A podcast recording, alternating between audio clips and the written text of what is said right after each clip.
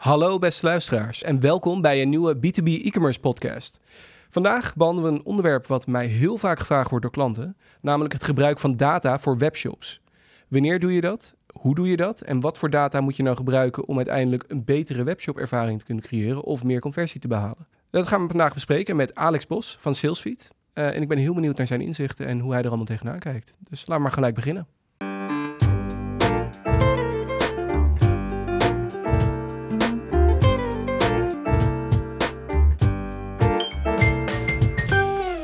Nou, welkom Alex. Ja, dankjewel. Ja, dankjewel uh, dat je langs wou komen om hier het een en ander over te vertellen. Ik ben zelf ook heel erg benieuwd. Uh, ik heb, hoor natuurlijk heel vaak vragen over data en ik weet wel het een en ander. Wij werken natuurlijk met bepaalde platformen waar data reports uitgehaald kunnen worden. Maar dat is niet altijd alles natuurlijk. Nee.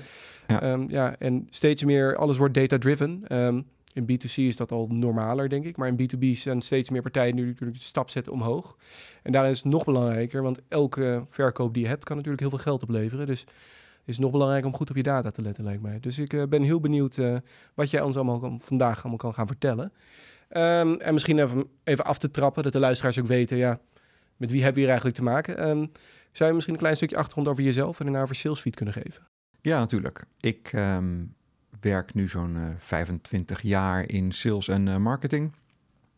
En ik heb dat uh, gedaan bij een aantal grotere bedrijven. Bekendste zijn waarschijnlijk CIMAC en Exact Software. Um, waar ik verantwoordelijk ben geweest voor commerciële afdelingen of voor marketing.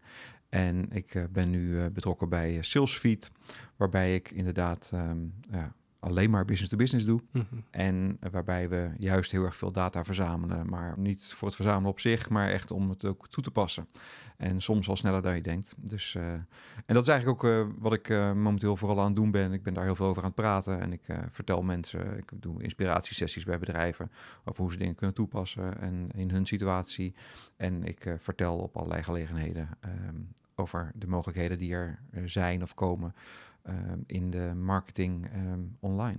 En als je in één zin zou moeten samenvatten wat Salesfeed doet, wat, wat, hoe zou je dat dan samenvatten?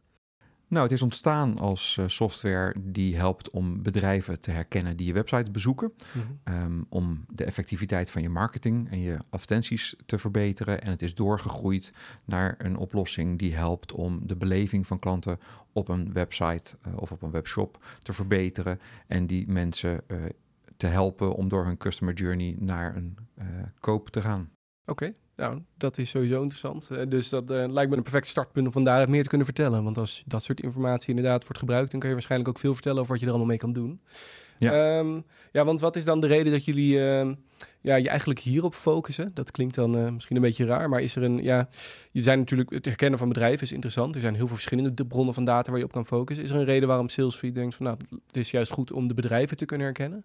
Nou, het is ontstaan uit het feit dat het interessant is om, uh, als je geld uitgeeft om bezoekers naar je website toe te halen, om te kijken hoe je dat zo effectief mogelijk kunt doen. En daarvoor is natuurlijk allerlei tooling beschikbaar ja. die je vertelt dat er bezoekers zijn op een landingspagina of op je homepagina of wat dan ook.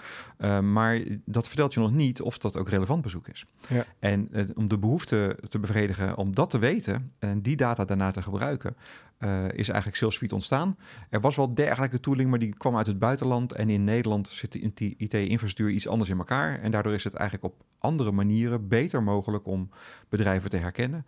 Uh, maar dat is maar gedeeltelijk interessant in de zin dat daar kun je natuurlijk leads uit genereren en die kun je opvolgen. Maar je kunt ook voor allerlei andere dingen gebruiken. Maar de reden is dus, het ontstaansrecht is eigenlijk geweest het um, effectiever maken van marketing. En daarna is dat geëvalueerd in lead generatie. En daarna is het weer geëvalueerd in de customer experience. Oké, okay, ja, dus eigenlijk een, gl een, globaal proces, nou globaal, een logisch proces waarin het opvolgt, steeds meer data kunnen verzamelen, het inzicht ja. en daar steeds meer mee kunnen doen. Eigenlijk. Ja, en er is natuurlijk gewoon in de afgelopen tien jaar, ja. want zo lang uh, spreek je het over ongeveer, is er gewoon ook veel meer mogelijk geworden. En er zijn ook dingen onmogelijk geworden uh, door ja. de ontwikkeling van browsers en dergelijke. Um, en ja, daardoor is dat natuurlijk een soort evolutie doorgaan. En, uh, maar we hebben ook een visie over hoe dat zeg maar over een, een, ja, een jaar of drie, vier, vijf zou moeten zijn. En daar, um, daar werken we aan. Daar zal ik straks nog even op inhaken hoor, over de drie jaar. Dan ben ik ook heel benieuwd naar hoe jij dat dan ziet. Maar je noemde net uh, voor websites, maar ook webshops. Um, als we even in de brede zin trekken, dus misschien nog niet alleen B2B, maar ook B2C erbij. Wat, wat, wat maakt uh, data nou zo belangrijk voor webshops? Wat, wat kan je daar dan mee doen? Nou ja, het, het, het geeft je in ieder geval feiten. Uh, Ja. En, en daar, daar, dat geeft je een basis om beslissingen te nemen. En ehm, eh, de meeste mensen die een webshop hebben zijn natuurlijk ondernemer. Eh, Mhm. En dat eh, eh, zal waarschijnlijk betekenen dat ze ook een gevoel hebben en ideeën hebben over hoe dingen eh, moeten gaan. Ehm, maar soms is informatie die je krijgt uit systemen ook gewoon misleidend. En ehm, eh, ja, daarom is het interessant om, om er feiten bij te krijgen en eh, die eh, in je eigen voordeel te gebruiken. En ik, ja, als basisvoorbeeld geef ik altijd maar, je, als je een marketingcampagne doet en je wilt tandartsen op je website krijgen om iets aan ze te verkopen of om ze iets te vertellen.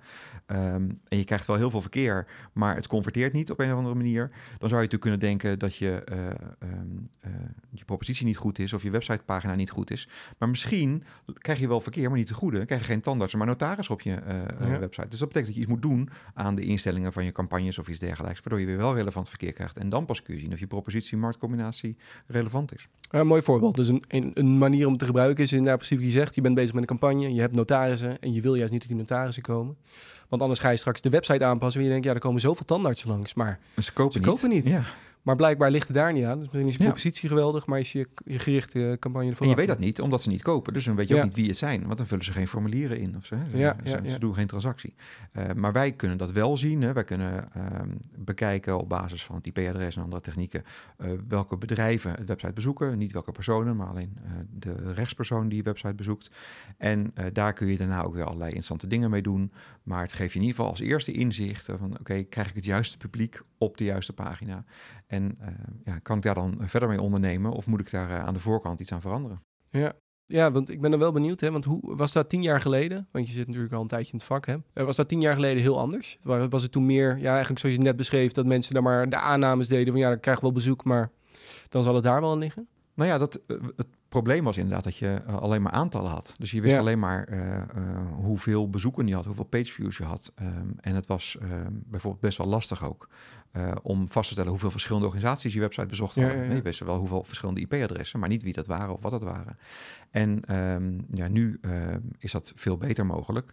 En zeker in Nederland, omdat we hier met veel fixed IP-adresses werken, ook al gaat het veranderen in de toekomst, ehm, eh, kun je dus heel goed zien, oké, welke bedrijven zijn het, maar ook wat voor soort organisaties zijn het en hoe groot zijn ze en komen ze terug en hoe lang lezen ze welke pagina. En eh, op die manier kun je Ja. natuurlijk eh, heel veel doen. En, dan, en dat kan overigens zelfs met bedrijven waarvan je niet precies weet, of bezoekers waarvan je niet precies weet welk bedrijf het is, kun je nog steeds op basis van zeg maar, data wel kijken eh, of ze relevant gedrag vertonen en dergelijke. Maar dan weet je natuurlijk niet meer uit welke branche ze komen of welke specifieke organisatie het is. Nee, dus het hangt er ook een beetje vanaf. Wat zijn je doelen vooraf en hoe wil je het gaan meten en wat wil je ermee gaan doen? Ja, en dat is überhaupt zo met Ja. data natuurlijk. hè. Mhm. Je, je kunt als soort heilig doel in het leven hebben om zoveel mogelijk data te verzamelen. Maar eh, dan wordt het ook steeds moeilijker om er wat mee te doen. Dus het is wel handig als je in ieder geval een visie hebt op wat je wilt bereiken en waarvoor je data wilt gaan gebruiken. Ja. En dan inderdaad die data ook te verzamelen op een manier en daar een, ja, een vorm van rapportage of interpretatie op te doen. Maar ehm, ja, data aan zich is natuurlijk ook eh, ja, is, heeft geen waarde. Hè? Het Nee, wordt dat pas is- interessant als het informatie wordt. Ja, dat op, de reden waarom ik dat vraag is omdat ik het toch wel vaak zie gebeuren. Dat bedrijven denken, ja, ik moet data hebben, ik moet data hebben, ik moet data hebben. Maar die dan vaak inderdaad niet vooraf nog gaan nadenken, oké, maar wat wil ik er eigenlijk mee? En als ik dan even terugtrek naar ja, wetenschappelijk onderzoek. Je gaat niet zomaar even data verzamelen en dan conclusies trekken. Want dan ga je allemaal eh, gewoon het wilde westen in en... eh, Nou ja, er- in, in theorie is het natuurlijk wel mogelijk. Hè? Als je alle Mhm. data verzamelt eh, en dat op een logische manier opslaat, zodat je daar later analyses op kan doen, dan, Ja. dan zou dat kunnen. Maar dat klinkt nogal hypothetisch en dat is het waarschijnlijk ook. Ja. Omdat voor de meeste MKB-bedrijven ook niet haalbaar is om al die data op te slaan en eh, zeg maar het interpreteren achteraf gezien, zou ik maar zeggen. Dat is vaak heel erg duur. En Ja. je moet eerst structureren en je moet daar dan heel veel mensuren op zetten van momenteel vrij schaarse mensen. Ja. Eh, dus dat wordt dan een heel duur verhaal. Dus het is misschien handiger ehm, om, eh, als je daar zeg maar, gewone of middelbare budgetten voor hebt, om van tevoren te bedenken wat je met die data wil doen. En dan is het een stuk makkelijker en ook over het algemeen ehm, een kwestie van een buy in plaats van een beeld. Hè, dat Ja, hoeft dat niet ja, zelf te doen. inderdaad. het ja, dat dacht ik dus al beschikbaar. inderdaad. Ja. Ja. de budget inderdaad ook kan ook inderdaad de tooling zijn inderdaad. Dan heb je de, bil, eh, de Ja. zodat je in één keer juist de visie eigenlijk kan overkopen en daaruit kan uitdragen. Ja. Waarbij ik overigens meteen wil benadrukken dat ja, alle tooling, eh, zeker ook Salesforce, natuurlijk geen Haarlemmer olie is. Het is, eh, het is altijd voor een bepaald doel is het heel erg geschikt en voor een paar doelen eromheen aardig. En voor de rest is het zinloos. Uh, hè, maar Ja. dat is eh, altijd zo natuurlijk. Want Ja, het is voor een bepaald doel gemaakt. Ja, nee, daarom. En mijn Google Analytics is wel iets wat, denk ik, voor de meeste bedrijven altijd handig kan zijn als startpunt in ieder geval. Of überhaupt eh, op de achtergrond. Ik zou het nooit uitzetten. Ik zou het Nee. altijd meten. Maar ik- denk dat jullie wel een aardig beeld hebben zelf hoeveel Ja. ermee gedaan wordt. En ik denk eerlijk gezegd dat je beter kan zeggen hoe weinig ermee gedaan wordt. Ja, Eh, Er kan Dus- meer uitgehaald worden dan, eh, dan vaak wordt gedaan, inderdaad. Ja, en als je natuurlijk ziet nu de mogelijkheden met eh, Google Data Studio en dergelijke, dan zou je natuurlijk heel goed ook informatie kunnen combineren. Daar werken wij vanuit Sales Suite ook in mee om de Sales Suite data toe te voegen aan de Google Analytics data in, in Google Data Studio bijvoorbeeld. En daar kun je zelf allerlei rapportages op maken. Ja. Maar het aantal bedrijven wat dat doet, nou, ik wil niet zeggen dat het op één hand te tellen is, maar het is wel echt een heel laag percentage. Ja, nou, ik, ik verwacht toch wel dat daar een aardige groei in doorkomt in bedrijven. Want ik merk steeds vaak, die vraag komt steeds meer naar voren. En ook dat bedrijven begeleid willen worden. Ze zijn nu echt op het punt gekomen van ja, we hebben het geprobeerd. Maar ik wil nu graag even een stapje terug. En kunnen jullie Ja. ons daarbij helpen? Maar dat is om, weer eh, precies hetzelfde. Die data is er wel. Ja. eh, maar ja, hoe ga, wat ga je er dan mee doen? Ja. Wat, ga je er, en waar, wat kan je daar dan mee bereiken? Ehm, en als dat de investering waard is, dan ga je die er ook wel in maken. Maar dan moet je wel eerst weten wat je wil bereiken. Ja, nou op zich denk ik bij een webshop is dat misschien soms makkelijker te zien. Eh, omdat je, ja, je kan, ook al kan je niks met die data, je kan wel zien, nou, ik heb eh, mijn conversie van het aantal mensen dat langskomt, dat is misschien onder de, de, de 2%. Nou, dan Ja. gaat er waarschijnlijk wel wat mis. Ja. Dus dan Ja. kan je waarschijnlijk wel heel snel zeggen, nou, dat zal me de moeite wel waard zijn, wel lonen, omdat... eh, Nou ja, precies. En, en eh, het is ook interessant om vooral te kijken dan naar van- het relevante verkeer wat er op een website komt. Ja. Wat converteert er daarvan? Want dat er irrelevant verkeer op je website komt, dat is nou helemaal zo. Eh, Ja. eh, in sommige branches is er ook niet aan te ontkomen, omdat je gewoon makkelijk gevonden wordt op een term die eigenlijk niet zo relevant is. Maar dan heb je dus Ja, veel irrelevant verkeer. En dat geeft helemaal niet, want het eet geen brood. Ehm, maar dan is het ook wel interessant om te weten van het relevante verkeer, hoeveel converteert daarvan? Want dat zou natuurlijk wel een, een bevredigend percentage moeten zijn. Ja, ja, ja. Nee, oké, ja. Nee, toch, we hebben het nu over een aantal onderdelen van, eh, ja, van data die je voor webshops kan gebruiken gehad. Hè? Tenminste, voornamelijk over hoe je het kan herkennen.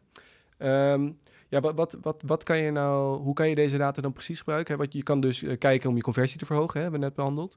Zijn er nog andere dingen wat je, je kan je marketingeffectiviteit, dus je kan kijken van, nou, draait mijn campagne, dus bereik ik de juiste mensen ermee? Ja, grofweg zijn er, ik zeg altijd, drie redenen om eh, met dit soort tooling te gaan werken. Ehm, eh, de eerste is directe lead generatie. Mhm. Ehm, als jij een 2% conversie hebt op het relevante verkeer, Ja. dan is dus nog 98% relevant verkeer, wat toch niet heeft gekocht.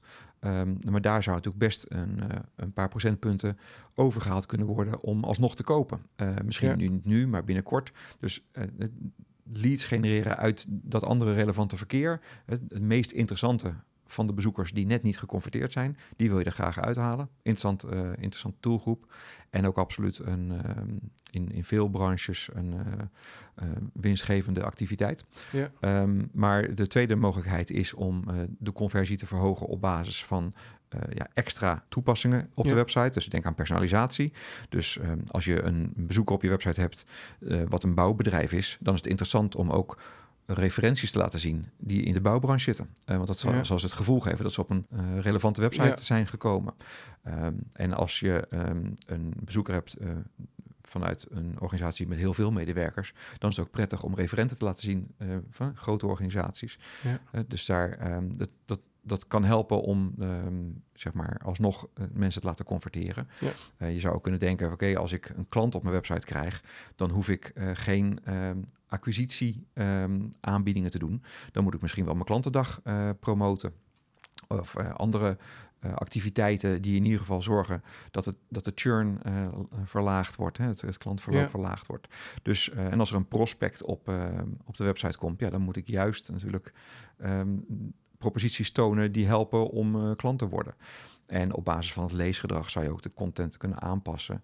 Eh, om, door een inschatting te maken in welke fase ze zitten in het koopproces. Als ze natuurlijk meer in de oriënterende fase zitten, dan zijn ze gevoelig voor andere content dan wanneer ze in een decision phase zitten. Dus ja, ja, ja. op die manier zou je eh, de tooling kunnen gebruiken. En als laatste je marketing effectiviteit. Dus inderdaad, eh, oké, ik heb betaalde bezoeken naar me toe gehaald. eh, maar zijn het dan ook wel relevante bezoeken? En als je ja, tien verschillende campagnes hebt lopen en je kunt aantonen met feiten dat er twee ja, ondermaats presteren, dan of je past ze aan of je stopt ze en je gebruikt dat budget voor degene die wel goed functioneren. Hè? Dus dat is natuurlijk een, een manier. En, ehm, en dat, ik zeg niet per se dat je ze uit moet zetten, want als die campagnes juist bedoeld zijn om spelden in een hooiberg te vinden, dan moet je gewoon blijven tunen tot je ze wel vindt. Ja. Ehm, maar, uh, en anders, uh, dan kun je je geld beter inzetten op het vinden van spelden in een berg met spelden. Uh, dus dan pak je gewoon je makkelijke campagnes en dan zet je daar je budget op in. Want uiteindelijk gaat het ook gewoon om ROI op je investering. Ja, natuurlijk. En in het begin kan ik me voorstellen, hè, want heel interessant wat je allemaal uitlegt zijn verschillende opties, dat je in het begin moet je gewoon heel veel gaan leren van je data, die gaan toepassen en testen. En uiteindelijk kan je dat gaan optimaliseren om er zoveel mogelijk uit te halen. Ja, ja en ook van tevoren te bedenken wat je daarmee wilt gaan doen. Want bijvoorbeeld die lead generatie, dat is natuurlijk best interessant. Maar alleen maar als je het ook echt gaat doen en je er mensen voor hebt. Ja. Um, want je kunt wel heel erg gaan inzetten op het genereren van leads. Maar als je niet de mensen hebt uh, die er tijd voor hebben, maar het ook leuk vinden om uh, lauwe leads uh, te gaan benaderen, dan, um, ja, dan vormt dat uiteindelijk geen waarde. Want je hebt dan die leads wel, maar ze converteren niet omdat je ze niet echt opvolgt. Hè? Omdat je ze maar één keer belt, terwijl je ze misschien wel drie keer moet bellen. Of omdat je er andere dingen op moet doen. Ik zeg ook altijd, ga nou niet per se uh, die leads ook bellen, maar gaan ze op andere manieren benaderen. Retargeting bijvoorbeeld? ja, retargeting is een hele goede methode. We zijn ook in staat om een, uh, retargeting uh, specifiek op een subdoelgroep te zetten. Dus je zegt van oké, okay, ik ga alleen maar die cookie geven aan een bezoeker als die uit mijn ideale branche komt. Want dan heb ik ja. minder kosten voor relevant verkeer. Maar je kunt ja, op allerlei manieren zorgen dat je daar um, opvolging aan leads geeft. Ik, ik heb bijvoorbeeld ook een, business-to-business -business, webshop. En die uh, kijkt elke week naar de 25 meest interessante bezoekers die niet geconverteerd zijn. En die stuurt ze daarna een papieren mailing. Gewoon uh, met de klassieke post. Stuurt hij zijn brochure toe. En dan stuurt hij naar de meest uh, relevante functionaris toe. Want ja. hij weet, ik kan die 25 brieven kan ik naar elk bedrijf in Nederland sturen. Maar deze 25 zijn op mijn website geweest. Dus daar speelt nu iets. En um, dat is een heel profijtelijke marketingactiviteit. Er gaan er elke week 25 uit heel consequent. Heeft hij gewoon uh, door een, uh, een van zijn medewerkers uh, wordt dat gewoon gedaan. En de software die, die, die laat ja. gewoon zien wat de interessantste bezoekers zijn. En de top 25 daarvan, die krijgen elke week een brief. en dat is een, een ja. manier waarbij je ja, multi-channel in feite aan leadopvolging doet. En ja, nogmaals, als je 25 bedrijven zou moeten bellen of zou moeten gaan mailen, ja, waarom dan niet die 25 die op je website zijn geweest? Ja, nee, ja, ik, ik raak er zelfs zo geïnspireerd van dat ik denk van nou, dit kunnen wij ook voor onszelf gebruiken voor marketing. ja. Maar laten gaan staan, ik denk dat voor webshops hele interessante ja. manieren zijn. Maar er zijn zoveel mogelijkheden waar je misschien nog niet eens over nadenkt. Wanneer je inderdaad met de juiste visie erin stapt. Ja, en dus van tevoren bedenkt wat je daarmee wil gaan doen. Nogmaals, lead generatie is alleen maar interessant als je ook gaat opvolgen. En het hoeft ja. niet per se een nabellen te zijn. Maar dat geldt natuurlijk ook voor het uh, uh, verzamelen van data over het leesgedrag van uh, bedrijven of iets dergelijks. Dat is super interessant, want het is natuurlijk heel erg interessant om te kijken wat voor gedrag vertonen mensen die klant zijn geworden in de dagen of de weken voordat ze klant worden. Ja. Wat voor gedrag vertonen ze dan op onze website? Daar kun je natuurlijk heel mooi op analyseren. En er zijn op, is op zich elke klant is een incident. Dus je moet er wel een beetje door je oogharen naar kijken. Maar als je zegt, oké, okay, dit zijn de laatste 10 of 20 klanten, nieuwe klanten die we hebben gekregen. En dit is, zijn, uh, dit is hun gedrag op onze website uh, voor die tijd. Uh, dan kun je natuurlijk goed kijken. Oké, okay, nou dat soort gedrag dat zou ik dus moeten beïnvloeden, dat zou ik moeten uh, bevorderen. En dat zou ik moeten dragen uh, op mijn website om te zorgen dat, uh, dat meer mensen dat gedrag vertonen. Want blijkbaar is dat de, de glijbaan die ze nodig hebben naar die conversie. Top. Ja, nou, als ik dit ook allemaal bij elkaar hoor. Um, we hebben natuurlijk, dit heet dan de B2B e-commerce podcast. Het lijkt mij al heel duidelijk dat voor data voor B2B webshops eigenlijk nog belangrijker is en misschien makkelijker te verkrijgen is. Want je hebt natuurlijk ook te maken met uh, herhaalbestellingen. Dus dan is, om er iets mee te doen, is veel waardevoller dan ja. vaak met, ja, B2C is natuurlijk niet altijd zo, maar heb je vaak meer te maken met een eenmalige aankoop of ja, heel af en toe niet consistent. Ja, en er zitten ook nog wel wat complicerende factoren in de B2B die, uh, die het wel echt anders maken dan B2C. En dat is dat je uh, veel meer te maken hebt met een DMU. Mm. Nou heeft een gezin ook wel een DMU, maar dat is meestal gewoon de vrouw hè, die, die gewoon beslist. Uh, maar bij een bedrijf heb je toch vaak wel echt wel beïnvloeders. Het begint met, uh, met een behoefte die niet eens op beslissingsniveau ontstaat. Uh, dus daar zijn al mensen die een probleem hebben en die zoeken een oplossing. En die gaan het dan daarna aandragen naar hun manager of naar hun baas of de eigenaar van het bedrijf. En die gaat zich daarna nog eens een keertje oriënteren. Dus het kan heel goed zijn dat er zeg maar een, uh, een paar bezoeken op je website zijn. Ehm, en dat er dan even drie, vier weken niks gebeurt. En dat er daarna weer bezoeken komen. Maar dat het niet dezelfde persoon is. Ja. En dat is natuurlijk bij B2C probeer je het ook echt op die persoon te richten. En bij B2B kijk je veel meer naar wat voor interesse is nou binnen de organisatie. En uh, daarna ga je daarmee aan de haal. En daar zitten wel wat, wat andere dingen in. Maar het voordeel is weer dat er weer meer mag. Het is natuurlijk omdat je te maken hebt met rechtspersonen, niet met natuurlijke personen, is er weer net iets meer mogelijk uh, dan bij, uh, bij, B2C. Dus dat is wel heel erg prettig. Hè? Dus, ja, uh, ik kan me voorstellen. En, en, want je noemde in het begin, hè, over drie jaar, er komen nog aardig wat veranderingen aan. Wat zijn dan, zijn dan de veranderingen zijn ook meestal gericht op dit B2B-achtige lead-informatie, denk ik, hè? Ja, maar vooral ook wel op het beeld wat je hebt van uh, klanten, zou ik maar even zeggen. Dus zowel prospects als klanten, dat je een veel beter beeld krijgt bij hun gedrag en, hun kennelijke interesses. Um, en waarbij het eigenlijk niet meer uithaalt uh, via welke computer ze komen, of dat ze op een mobiele telefoon zitten of op een desktop op kantoor of thuiswerkend uh, op een laptop. maar dat je toch een compleet beeld hebt van hun gedrag. En dat je begrijpt waar ze mee bezig zijn en waar ze toe gaan en waar bijvoorbeeld je retentierisico is. Dat daar veel meer ook een, een, een kans in zit voor, voor B2B bedrijven. Uh, en webshops. En dat je um, beter in staat bent om te gaan voorspellen uh, hoe die levenscyclus gaat verlopen. Uh, daar, zit, daar zit een belangrijke winst in de toekomst in. Um, en oh, dat heeft ook raakvlakken met service bijvoorbeeld, met, met klantenservice. Mm -hmm. En wij zijn nu al bezig met grote B2B webshops waarbij we um, de klantenservice laten zien welke pagina's degene die ze aan de telefoon hebben bekeken heeft. In real-time dus, ook. Real-time, ah, ja. Dus je kunt zien op welke pagina's ze nu zitten, maar ook welke pagina's ze hiervoor gelezen hebben. En dan kun je veel makkelijker met een klant praten over het product wat hij zoekt of de oplossing die hij zoekt. Kijk, als iemand gewoon komt en die wil schroeven hebben van 4 centimeter lang en, uh, en een kruiskop erin, dan weet hij dat wel en dan kan hij het wel vinden. Maar als je zegt van ja, ik wil twee planken aan elkaar schroeven en die moeten uh, buiten uh, aan elkaar verbonden zijn, maar ik moet het ook nog los kunnen maken. Uh, ja, dan, is het, ja. dan heb je een ander gesprek en dan ga je meer advies geven en dergelijke. En dan kun je kijken van waar heeft, waar heeft die man naar gekeken of die vrouw. En is de gedachtegang goed geweest of niet? En als het niet zo is, dan kan ik hem uitleggen waarom die eigenlijk in een ander product, naar een ja. ander product zou moeten kijken. Daar ben ik wel gelijk benieuwd. En dat is misschien ook een vraag op de, op de lead-informatie die je hebt. Hè. Schikken mensen hiervan als zij dan weten van, oh, ze kunnen precies zien wat ik gedaan heb? 9 van de 10 niet, in ieder geval. Uh, ik heb uh, een, een IT-bedrijf als klant, uh, een, een SAP-dealer. Mm. En die, ehm, die bellen eigenlijk iedereen na, maar na, na een paar dagen, die op de website is geweest en interessant gedrag heeft vertoond. En Jeffrey, de sales manager, die zegt, Alex, van de 10 gesprekken, acht vragen het niet eens. Hoe, ik het, hoe, hoe het komt dat ik het weet. Ehm, maar daar heb ik gewoon een goed gesprek mee. 1 op de 10 die zegt van, uh, hoe zit het dan? Hoe, hoe, komt dat dat je dat weet? dan leg ik het uit en die vindt het dan wel grappig. En 1 ja. op de 10 vindt het vervelend. Dus dan heb ik negen goede gesprekken gehad, die ik anders allemaal niet had gehad. Dus uh, dat is een, een prima balans. Ja. En het gaat er ook een beetje om hoe je het doet. Want als je ja. iemand belt en zegt, dan, hey, uh, waarom heb je niet gekocht? Want ik zag dat je op mijn website was en waarom heb je niet gekocht? Dat is misschien niet de goede insteek. Terwijl als je belt naar een bedrijf, en je weet natuurlijk ook niet wie het was. Als je belt naar een bedrijf en je zegt, je, belt, je gaat wel naar de afdeling toe waarvan je denkt hè, dat jouw ideale contactpersonen mm. zitten.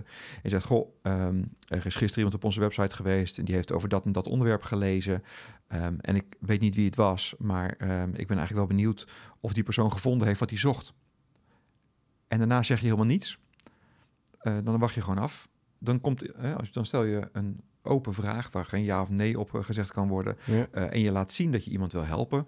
Dan krijg je een, een ja, acht van de tien gevallen gewoon een coöperatieve insteek uh, terug. En dan is ja, even kijken wie dat was. Of, en ik durf, zeker als je een beetje een specialisatie hebt qua ehm, contactpersonen, dus iemand die een duidelijke functie hebben, dan heb je gewoon in drie van de tien gevallen dat je meteen de juiste persoon belt natuurlijk. Ja. En dan heb je ook gewoon meteen een gesprek. En, en als je dan te maken hebt met een groter bedrijf, want dan kan me voorstellen, dan heb je misschien drie of vier mensen die van dezelfde, dezelfde ja. functie zitten. Ja. Dan, dan... Ja, dan, is, dan is nabellen misschien niet de beste oplossing. Misschien ook wel. Hè? En uh, als je geen andere leads hebt uh, en, uh, en, je vindt het leuk om te bellen, dan zou ik dat zeker, zeker ja. dan wel proberen. Maar dan is het misschien het, het een andere, volg, um, andere manier van opvolgen ook prima. Je zou natuurlijk ook ehm, als jouw doelgroep op LinkedIn zit, en dat zijn heel veel zakelijke doelgroepen Ja. natuurlijk, eh eventjes naar de company page van eh, die bezoekende organisatie toe kunnen gaan. Kijken wie de medewerkers zijn en dan de juiste functionaris opzoeken en daar gewoon een contact leggen. Je kunt daar iemand uitnodigen om een connectie te maken en een gesprek mee beginnen. En eh, ik zelf begin dan ook wel met ja, iemand van jullie, van jullie organisatie heeft onze website bezocht. En ik zat eens even te kijken en toen kwam ik jou hier tegen. En ik denk, nou, laat ik eventjes contact leggen. Dan krijg je ook gewoon eh 7 van de 10 keer een positieve reactie terug. Ja, want ik, ik probeer ja. ook niet wat te verkopen. Ik probeer alleen maar contact te maken. Nee, nee, dat is heel Dus, reëel. Ja, er is, is waarschijnlijk, eh, ik denk dat ook meerdere luisteraars nu hebben. In eerste instantie denk je, ja, dat vinden mensen niet fijn. Maar dat is waarschijnlijk eerste gedachte. Maar op zich, als je het goed uitlegt, dan is dat natuurlijk heel reëel. Want je wil ze alleen maar verder helpen. Je wilt niet gelijk in één keer een product er doorheen Ja, duwen. nee, je bent niet meteen aan het eh, vragen hoeveel ze er willen hebben. Ja. Dat is, eh, en wanneer. Maar je bent en zegt van, goh, eh, ik zag dat iemand op onze website aan het rondkijken was. En ik denk, ik kijk eens even rond wie er Ja. bij jullie werken en wat jullie doen. Nou ja. Ja, en of je nog meer informatie wil hebben, ja. dat Ja, precies, ja. Oké, nou top. Heel interessant, denk ik sowieso. Ja, als we dan even ehm, een stapje ehm, terugnemen, hè, want dan zullen er misschien ook luisteraars zijn die denken van ja, dit klinkt allemaal heel interessant. Maar waar, waar begin ik nou eigenlijk? Kan, kan je- ja, natuurlijk verschilt het per, per situatie, hè, maar nou, het begint met data verzamelen. hè? Data verzamelen, ja. als, je Ja, nu, als er nu iemand langskomt die zegt van ja, ik heb een webshop en eh, ja, ik heb wel een Google Analytics. Dat is enigszins ingesteld. Ik doe er nog niet heel veel mee. Ja. Eh, maar ik zou graag eh, er meer mee willen doen. Wat zou nou een startpunt zijn? Waar zou iemand mee kunnen starten? In ieder geval voor zichzelf. Om te achterhalen wat ze nodig Ja. hebben. Nou ja, ik zou eh, die persoon altijd adviseren om gewoon aan jullie te vragen om daarin te, te helpen en mee te denken. Als het natuurlijk iemand is die al een webshop via jullie heeft of via jullie wil laten Mhm. ontwikkelen, dan kan hij natuurlijk ook, ja, dan zal hij ook wel uitleggen wat zijn visie is en wat zijn doel Ja. is en zijn doelgroep. Dus dan weten jullie dat en dan kan je er ook in meedenken. Ehm, kijk, het implementeren van dit soort tooling en zeker ook Sales Suite is eh, relatief eenvoudig. Er moet een klein stukje meetcode ehm, geplaatst worden op elke pagina die je wilt meten. En dan, ehm, eh, dan start het proces. Eh, maar daarnaast inderdaad de vraag van ja, wat wil je? Ga je wil je je marketingactiviteiten effectiever maken? Of wil je de klanten beter bedienen in hun customer journey om meer te converteren? Of wil je directe leads genereren? Dat zijn natuurlijk verschillende eh, doelen. En die, eh, ja, daar hebben we allerlei functies voor, die eigenlijk al klaar zijn in de software, die je gewoon kunt aan- of uitzetten of inrichten. Ehm, kijk, ik weet natuurlijk niet wie er interessant is in basis, maar je kunt op basis van regio of ehm, branche, SBI-code of omvang of eh, nou, leesgedrag, dat soort zaken, of specifieke pagina's of meerdere keren een bepaalde pagina bezoeken, nou wat dan ook. Allerlei criteria kun je aangeven en dan komen de meest interessante bezoekers vanzelf naar boven. En dan kun je daar weer dingen mee doen. Je kunt die mensen dan inderdaad eh, nabellen of je kunt die mensen eh, een pop-up geven tijdens een bezoek of tijdens een tweede bezoek of eh, eh, als ze langer dan 40 seconden op een bepaalde pagina zitten, een pop-up geven of zo.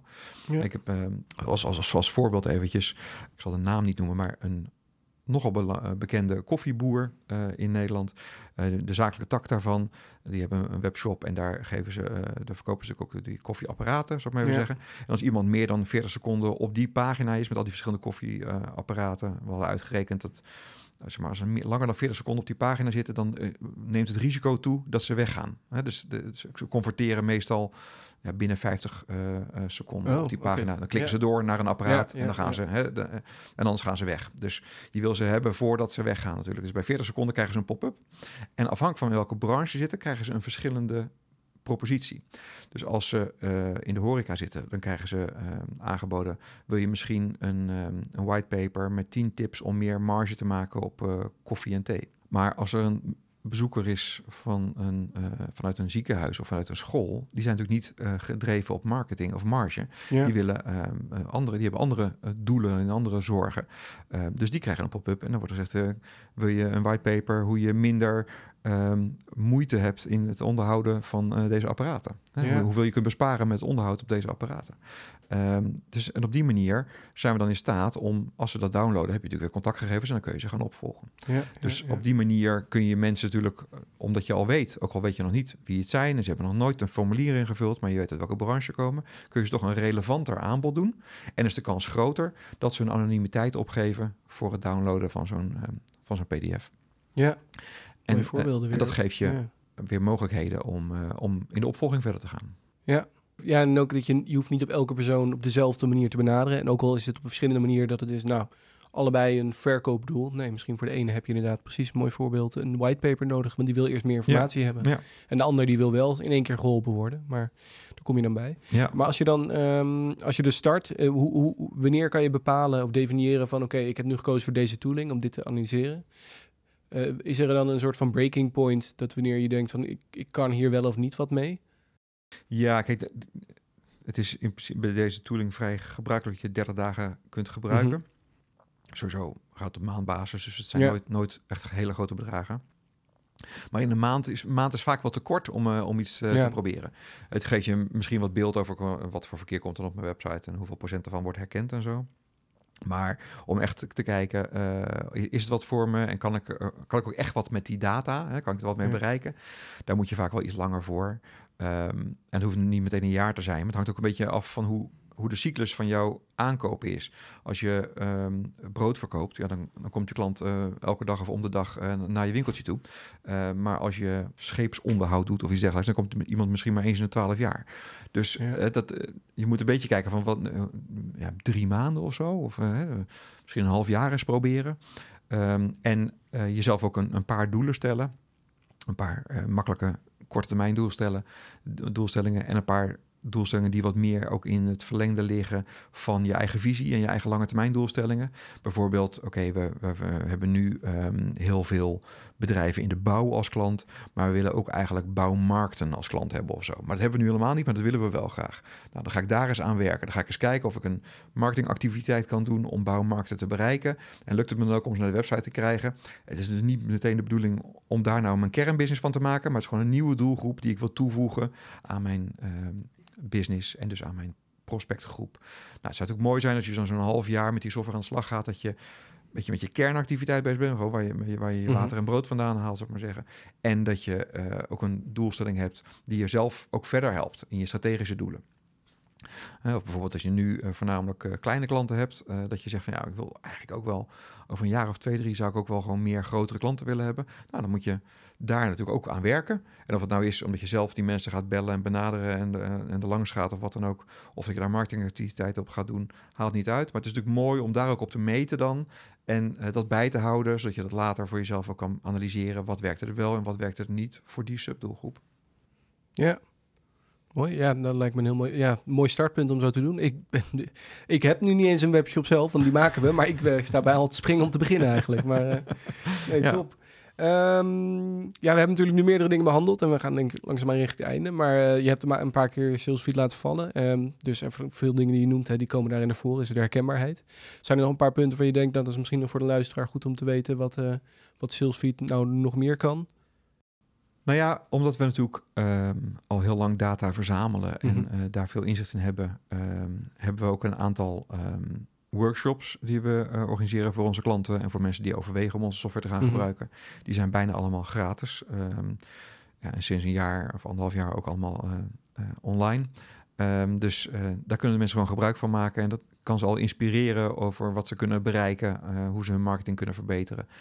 Zelfs nog voordat ze de software gebruiken. Of als ze er net mee willen beginnen, zoals als ze nog in de gratis maand zitten, kunnen ze daar gebruik van maken. Dus dat is super interessant. En in feite is het zelfs interessant als je eh, nog niet die software gebruikt. eh, Ja. om eens te kijken wat zijn dan de mogelijkheden. Ja, om te en hoe- hoe verbreedt dat de wereld. Ja. Ja. precies.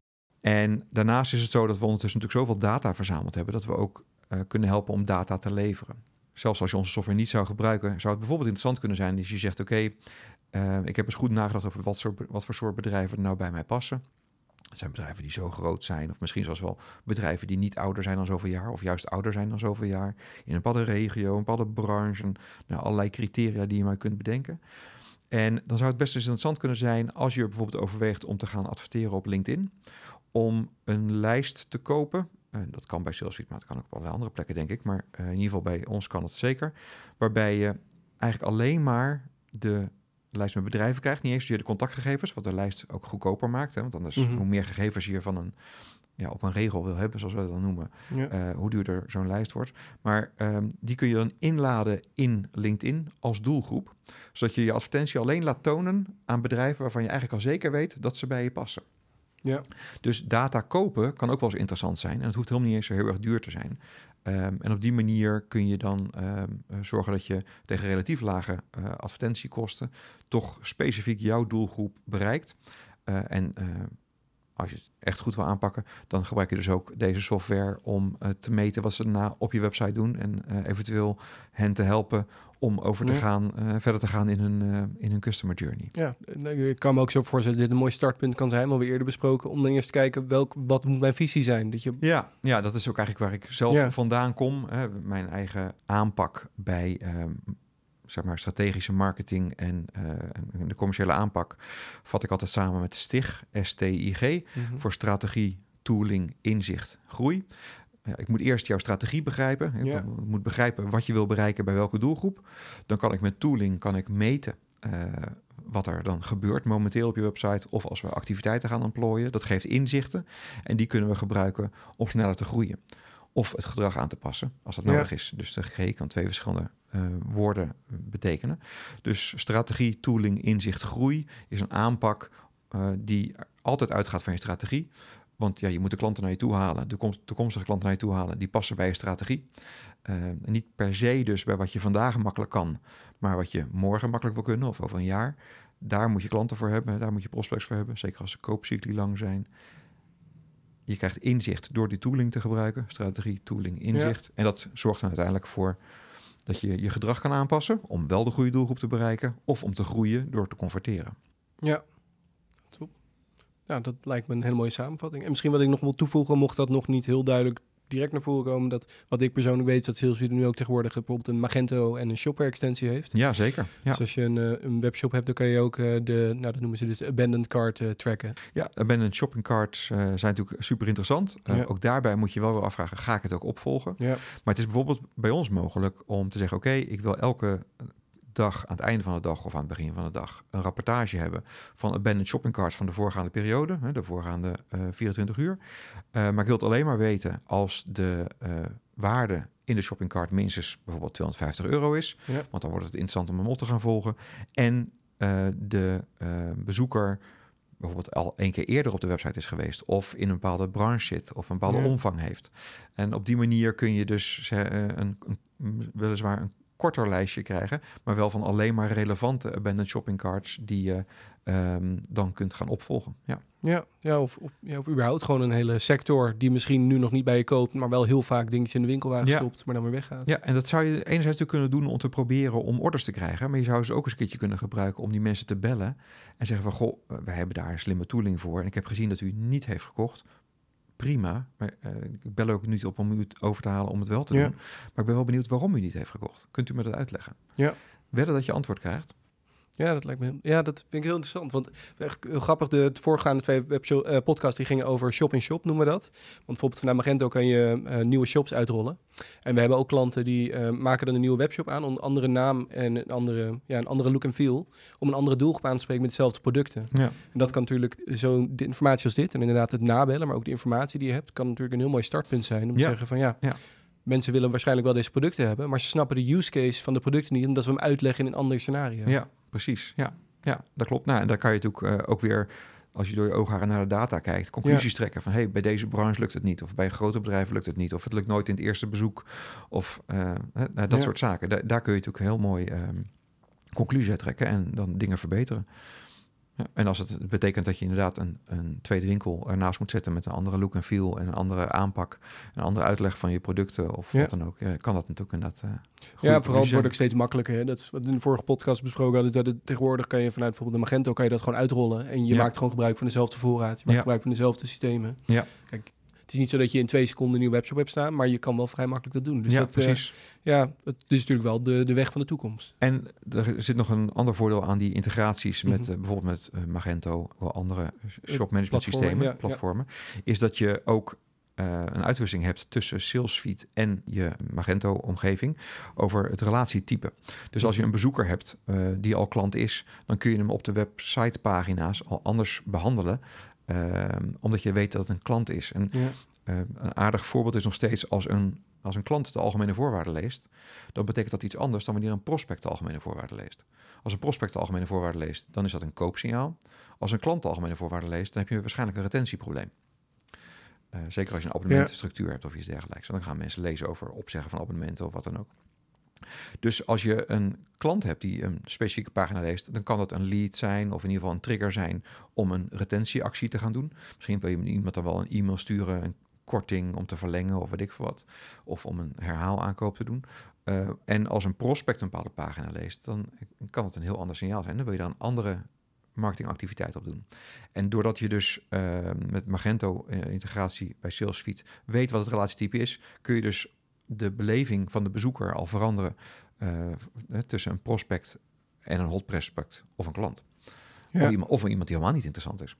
Sterker nog, wij zijn zelfs in staat om de content op je website aan te passen, zodat als een concurrent je website bezoekt, dat je niet op de prijzenpagina kunt komen of zo.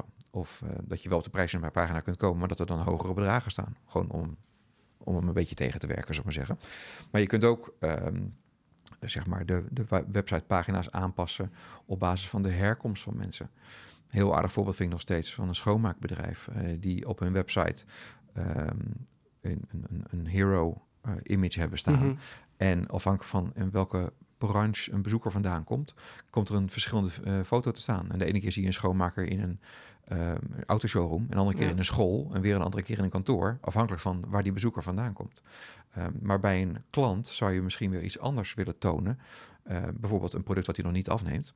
Uh, en bij een prospect, ja, daar ga je uh, natuurlijk weer producten tonen die relevant zijn voor de branche waar die persoon vandaan komt.